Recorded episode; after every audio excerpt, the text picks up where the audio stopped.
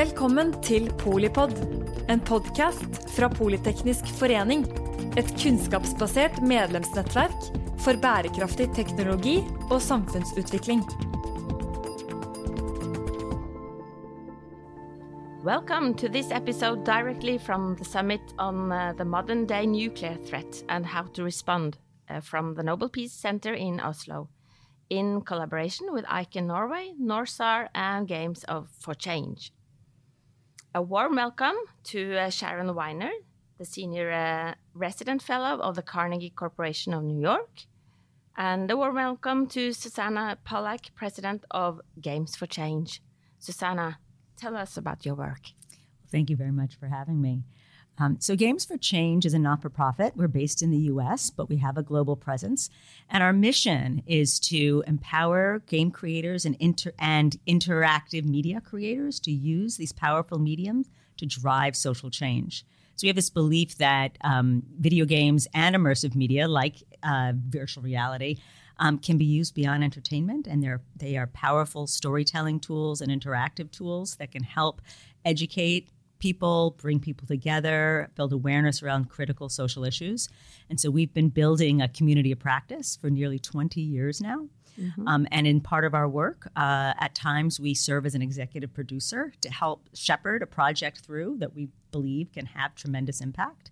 And that is the project that, that we're presenting here, uh, the Nobel Peace Center, on the morning we wake to the end of the world. Um, and Games for Change has been an executive producer along with Princeton University um, and our other collaborators. Wow, it's uh, I'm so much looking forward to to watch. Uh, yeah, this piece um, it, it's interesting because it originated through a conversation that I had with um, Dr. Alex Glaser, who um, is the co-director of the program for uh, science and global policy at Princeton University. Um, the, this project originated um, through a conversation that I had with Dr. Alex Glaser, who is the co director of the program for science and global security. Mm. Um, and uh, honestly, I have to credit him and uh, Dr. Tamara Patton, um, who was a PhD fellow at the time, for um, having the interest to reach um, audiences that were not typically thinking about nuclear threat as one of a, a global crisis that affects their everyday lives. Um, and as uh, a partner and an executive producer, Games for Change has a methodology that we work with NGOs and other um, organiz- mission-oriented organizations to help them articulate what it is they want to achieve, and that leads to you know the type of experience to create. Should it be a video game? Should it be a virtual reality experience, or maybe some physical interactive experience? Um, and through originally through support from the MacArthur Foundation, we were able to create a pilot um, based on this incredible and you know and scary story that happened in Hawaii in 2018, where there was a false uh, alarm that was sent to every person who had a, a cell phone um, that said there was a ballistic missile coming their way. Um, and remarkably, uh, Tamara Patton, who was, as I said, one of one of the um, collaborators from the very beginning, her family was at Hawaii. And so she had a very personal connection to the issue. And she happened to be uh, a scholar on nuclear weapons threat. So she had this dual perspective of what the experience uh, meant from a personal level, but also at a, um, you know, a geopolitical level.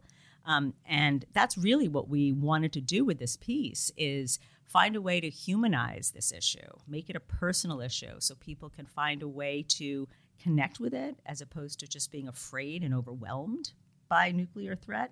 And I think that it achieves that. It's a very emotional piece. I cried. Oh, did you? I did. So much so that I had to clean the headset after oh, I took no. it off. Uh, because you're sitting in this experience. And I mean, I know the history of the experience and I know some of, of what, hap- what I'm expecting to happen and on the morning you wake but the visuals and the sound and the immersive quality of VR, you feel, I think you feel like you're not in Hawaii. You feel like you're in the head of someone who was in Hawaii. And you see all of these things around you, everything from the beautiful landscape to the visual representation of what it would be like to be in a nuclear explosion. And you hear the people talking about their fears, what they were concerned about, that They remember there was a beautiful sunset, sunrise that morning, taking pictures of it, and then realizing they were probably thinking this might be the last sunrise they would ever see.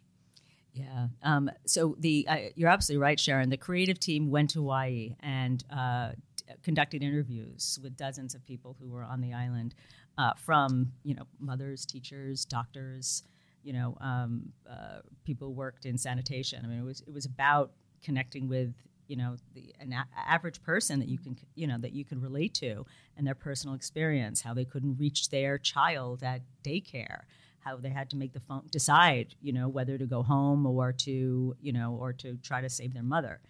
You know, it's just horrific, really, when you think about it. And I think the creators did a, um, a terrific job at balancing a storytelling um, aspect and going, going, making it very personal, um, and then going out into more of a contextual, uh, informational kind of presentation so you don't get lost and overwhelmed emotionally. Like I think there's this very subtle balance um, that they were able to maintain, and the piece is long. And the piece is nearly 38 minutes, which is the amount of time that people in Hawaii had to uh, deal with ultimately this false threat. Um, but we uh, have different rhythms through the piece. We offer the piece in chapters. So if you, if you know some for some people who haven't experienced virtual reality, 40 minutes sitting inside of a headset can can be overwhelming. Mm. And so, for different um, community screenings, we have broken it down into chapters so you can experience it, you know, at, at a different pace. And what is uh, Carnegie doing into this? Carnegie is a, a, great supporter of ours as well. Uh, we are a grantee. So, the Carnegie Corporation of New York has been engaged in trying to reduce the dangers of nuclear weapons in a variety of different ways since I think nuclear weapons were invented. Mm-hmm. Everything from in the 80s starting a project to try and s- stop nuclear war from ever happening to funding efforts to stop proliferation, to get people to think creatively how to, about how to verify arms control agreements, to helping people try to figure out, like Susanna, how to engage other people in nuclear weapons issues and to help them realize that even though they're not paying attention to nuclear weapons, nuclear weapons in some cases are paying attention to them because they're always there. And I think the idea is to help people realize and recognize the nuclear dangers that surround them, and then to make a choice about the advocacy they want to engage in uh, to, to change those nuclear to change those nuclear dangers. And so, as a grant maker with the Carnegie Corporation, I don't do those things. I get to help provide funding for other people and their ideas to do those things. And it's an amazingly um, inspirational and, and innovative activity. I learn all the time from what people are thinking about doing, and also trying to help people sometimes take risks for things that you're not sure will help people engage with nuclear issues, but just might. And then you get to the other side of that project, something like on the morning you wake and you realize how powerful it is. Yeah, yeah. Uh, uh, grant makers like Carnegie um, definitely took a risk on this project. Um, it hadn't been told story hasn't been told in this way and with this within this medium uh, and it's interesting that um, we've had a chance to work with so, many of the grantees that Carnegie um, supports as well. And this this whole experience for me, because I don't come from the nuclear, you know, security world, has been how um, in- inclusive and excited the community has been to have a new tool in which to, re- to reach people. You know that that innovation seems to be really welcome um, whether we are working with ICAN Norway or uh, or going to Vienna to the um, the meeting of the state parties uh, next month, later this month, uh, to Global Zero and um, and other incredible um, uh, activists in the space who, as as Sharon say, are approaching it slightly differently, um, but as a piece of art, which is what we see I mean, what um, On the Morning You Wake is, it's a piece of art that can be used to advance uh, um, social change. Um, and we want our collaborate, our partners, other organizations that are, you know, are are you know mission oriented organizations to use this piece in different contexts. So um, we're excited to be here with with ICAN Norway and NORSAR if I can, I just want to follow up on that notion of a piece of art because I think people who are listening to this on the radio will think of art as a two dimensional thing that hangs on the wall and you can engage with it. but it's it's it's a thing that you can see in a limited number of dimensions. Whereas on the morning you wake is infinitely dimensional because you are present in a situation. You put on the headset, you see, you hear, you can look entirely around you. Hawaii surrounds you in every direction. And in watching on the morning you wake, I always reminded myself look behind you to see what's mm-hmm. happening there because there are things there that provide context to the experience that are there for you to notice. Mm-hmm. And so when you do that, you start to forget that it's 38 minutes long that you're sitting at your kitchen table and you think that you're somewhere else. Uh, for me, the a powerful point of this was there's a scene. Can I talk about some? Yes, okay. please do. There's a scene in On the Morning You Wake. There's a couple, and they get the ballistic missile warning, and they realize they have two daughters who are in school, and they have to make a decision that one of them is going to go get the children and they realize the the woman realizes she may never see her husband again.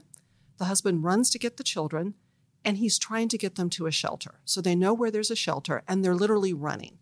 And his youngest daughter gets tired. So, of course, like any good parent, he picks the child up. And they run to this shelter, and it's full. And in the VR experience, you see them doubled over, panting, that they've tried to get to this place that they hope will help them, even though it might not. And then they realize they can't get in. And they're not just physically exhausted, they're emotionally exhausted. And I realized as I was watching it, watching the child pant from the exertion of running, that I was breathing the same way. Wow. I get goosebumps uh, just listening to you. so but why is this so uh, unfortunately uh, good timing for uh, for this summit and for the VR experience? Well, I have to admit that this piece originated over four years ago. So it was well before the current threats that we are experiencing today in the war in, in Ukraine and and uh, the threat and the tension with Russia. Um, which demonstrates what, what Sharon said earlier is that the threat has always been there right? And there are moments in, in, in history when it's going to, you know, erupt and become a focal point of, uh, you know, uh, or the immediacy of it is heightened, but the threat has always been there. Um, so the fact that people actually are thinking about nuclear weapon, uh, nuclear weapons and the threat now in a way that they weren't four years ago when we originated, um, only because it is so immediate um, of an issue, but it, it always was there. Um, and unfortunately, it takes something like this. It's a real, real threat for people to to wake up and and uh, consider it. Um, so, but I do hope that this piece, though, as as we were talking about earlier, you know, makes this a, a human issue. You know, it's something that affect us anywhere around the world. You don't have to be from Hawaii to feel that risk, to think that you might see the sun rise for the very last time, and so that all of us um, should pay attention and should take action to find a way to eliminate all weapons. And you don't have to be old enough to remember the Cold the War and the. Not at all. But you have some stamina. Not at all. Well, so nuclear weapons, as I mentioned, are always there in the background. It's a threat that some countries make to keep, as they think themselves secure. It's a threat that some countries make that they think will make them more secure. But it, if they're ever used, it will affect everyone on the planet most people never dwell on this thought, which which is a, a, blessing, I think, in in some ways. But if we're going to tackle the danger of nuclear weapons, people have to think that that threat is made in their name, and people need to understand that they do have some agency over that threat, something they can do about it. And there's actually a long history of people trying to use factual stories, art, literature, TV, and now VR to connect people with uh, the threat of nuclear weapons.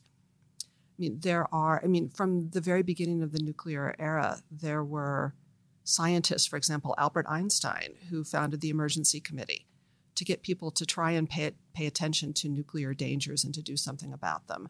Or in, in preparation for this summit, I was looking at the artists who have been interested in nuclear issues and realized that Jackson Pollock, his style of art he credits partially to nuclear weapons, saying, in basically, and I'm paraphrasing him here, in a nuclear world, you can't paint like the Renaissance masters because the world is different. Hmm. Um, or of course Andy Warhol, who painted the famous you know, mushroom clouds. Or I'm thinking of the history of film and media.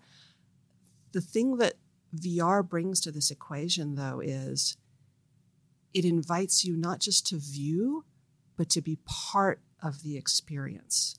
Not just to see it, but to feel it, mm. to listen to it, and to think in your head, what if I had been there? And that's a different uh, type of agency. Now, the fact that Russia has just um, invaded Ukraine and Russia's um, aggression against Ukraine and then the fear of nuclear weapons and that people are thinking of these things right now adds an additional powerful motive to this. But I think even without that, on the morning you wake would help people engage with the nuclear threat in a way that I think many would prefer not to because it's uncomfortable. Mm-hmm. It's uncomfortable to realize that your life could be over tomorrow.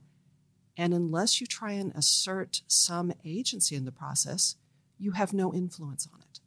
Yeah. Um, there's a, a, contributor to the, to the piece, um, Cynthia Lazaroff, who is here today at, at the summit. And um, she was on the island at the time, and she happens to be uh, a, a, very strong activist in uh, the nuclear security space. Um, she says at the end of the, the film, you know, in the end, nothing happened, but everything changed. Mm. You know, her perspective and everyone's perspective on that island, you know, changed because they realized, you know, how precious life was. And, you know, the, the day went on as that beautiful sunrise, you know, started. But um, how do you let go of that, you know, of, of that scare, of that what if scenario? And, and we do hope that people who go through this experience feel that as well and take it upon themselves to do something. And so, it, through uh, as we exit the piece and we help people, um, we call it um, there's a there's a process of of how to engage people with virtual reality that helps them under, appreciate the experience and not be overwhelmed with it, particularly if it's a first time person who's, who's tried it. There's the onboarding process where you know you're talking to someone and finding out if they've been in VR before and want to make sure they feel like they're in a safe place and if they ever are uncomfortable, they can raise their hand and we'll be there to take care of them. And then afterwards, um, when the when the when the headset comes off, we call it aftercare and again, want to give them a moment to reflect. Um, we have a, a, a survey and um, that we ask for them afterwards. And kind of what, what Sharon was saying is there are many ways to participate in this in this issue, and depending on your interests, there are organizations that kind of align uh, with how you want to um, how you want to engage, whether it's at a grassroots level, whether it's doing art, you know, whether it's writing to you know um, uh, policymakers um, what, what, we want this piece to do is give an opportunity um, to connect the, uh, the viewer to those ways to engage. Um, and I also want to say that opportunities to to show at though this piece at um, at the Nobel Peace Center and other museums gives opportunities for people who don't have a headset at home. So so right now the piece is available on um, the Oculus Quest 2 which is uh, the, their latest, you know, headset, that, and it's untethered, which means it doesn't have a cord that plugs into the wall. Oh, it's so easy to use. So, yes, and it's light and and it's actually relatively inexpensive, as, as it used to be. Um, but if you don't have that headset and you want to see this experience, um, having a museum tour so people can come into a museum and experience it here is really important. We're actually also um, inviting uh, school age children to see it. High school students are coming to the museum um, on a class field trip, and we've developed curriculum uh, that educators, the muse- museum educators here can use, uh, but educators can use it within the school setting as well. That um, helps provide context for the for students before they see the piece, um, and then activities afterwards, so they can reflect and write about it or create art themselves. And I think that's a huge opportunity in how we can um, uh, bring bring this experience to different types of uh, communities. Um, the young people are so important um, for them to really understand because um, they are they're our future, right? For them to get engaged, um, bringing it in front of policymakers and activists, and, and having them use this this piece in that way is really important to us too, um, and just the general public, you know, um, that would come into this museum or or there's there there are future plans for a film version to be on television, right? To uh, to make sure that this experience can actually eventually get in everyone's home. Um, so there are multiple ways to to find it and experience it. You will actually have the student network of uh, the Norwegian Polytechnic Society uh, do a small study on it and, and sort of uh, pick up on the actual results and, and how right. people sort of take take it from the the emotions and the feelings and into action. And already it seems like like uh, experts and uh, artists and uh, activists and policymakers they all agree. But still uh, i was wondering uh, how the the carnegie uh, sort of experiences globally. Is about sort of the the link from from feelings to action if i can call it that so one of the things that i think we'd all like to understand is what is it that causes people to go from not thinking about something to worrying about it and then from worrying to acting? And you know there are different levels of action that people can do. So why are some people comfortable coming to the nobel center and reading and understanding and learning and then they go home and they start to write? Whereas some people come and they go home and they never want to engage with these issues again so, trying to understand the connection between human response and human action is something that's that's very important.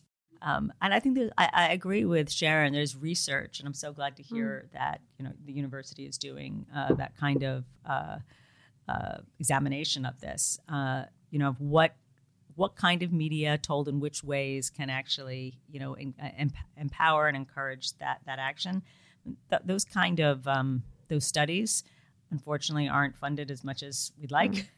right it's hard to you know to uh, to research over long periods of time the you know the impact something like they can have um, and, and to understand sometimes i think people don't understand their own responses to something so i can imagine someone sees on the morning you wake and you would ask them immediately afterwards what they think what how their experience was and then if you would give them two weeks, two months, two years to reflect, those responses might be different. 100%. I think this this experience stays with you for, for a while. Um, it's it, it, it's hard not to in a virtual reality experience, as Sharon said, to see something from someone else's eyes. The idea of perspective taking is is one of the affordances of, of virtual reality, and it's also been kind of coined as being an empathy machine. You know you can't help feel what other people are feeling. And that's just really really uh, you know uniquely powerful. It's powerful in a way that i think unless you've experienced virtual reality it's sometimes hard to imagine. So I, i'm thinking my first virtual reality experience was actually tamara patton who showed it to me it was a silly game about a bunny being chased by aliens oh. so there's a little white bunny hopping around on a frozen pond you know, like you could you could imagine in Norway in, in the winter, a frozen air, and it's slippery and the bunny can't get away. And you're watching this and you have some empathy for the bunny. But then I remember looking down, and you're in the virtual headset, and so you look down and where my body should have been, there was a big fat white bunny belly. and I realized I was the bunny. And so virtual reality changes your perspective from an observer to a participant. Well, I mean, there's entertainment. I mean, there's there's a, a place for entertainment, right? Mm. Um, yeah, and, and entertainment can also lead to scenarios that may be violent or or by nature or adventurous by nature, and I think there's a place for that. Um, we're not I, we're not suggesting, and I and I I can't really speak to this from a research perspective that a viewer blurs the lines between what they see in virtual reality and then you know what they might do in the in the real world in the same way that video games have not um, demonstrated that they lead to real world violence. Um, the experience can be scary. The experience can bring you into a dark place depending on what the storyteller is, is leading you to. But at the end of the day you take it off and you process and and you, you know and you reflect and, and move on. Yeah, we like to uh, sort of dig into the opportunity side of, of how technology, uh, I would say, uh, enlighten uh, democracy and uh, basically happiness. so it's um, I'm so much looking forward. Everybody should be uh, looking, uh, watching, or finding the opportunity to to watch or, or to experience the VR piece, as you say. Thank you so much for sharing your uh, insight and uh, inspiration. Uh, you're experts on a very important mission uh, for peace through awareness and through uh, action to minimize nuclear threats uh, to people and to our planet, not to, not to forget. We know more about the complex reality of nuclear weapon threats um, and the humanitarian consequences and uh, maybe we also know a little bit more or at least feel a little bit more uh, into how to respond accordingly. So uh, thank you sharon. Thank you uh, susanna. Thank you. Thank you. and thanks for listening to this um, uh, Polipod podcast from the norwegian polytechnic society uh, directly from the summit at the Nobel Peace Center in collaboration with ICAN Norway, NorSAR, and Games for Change. My name is Mette Vognes Eriksen. I'm the General Secretary of the Polytechnic Society, and I have to finish off by wishing you all peace on earth. Takk for at du lyttet til Polipod fra Politeknisk forening. Få med deg flere episoder, eller bli med på nettverksmøtene som du finner på at polyteknisk.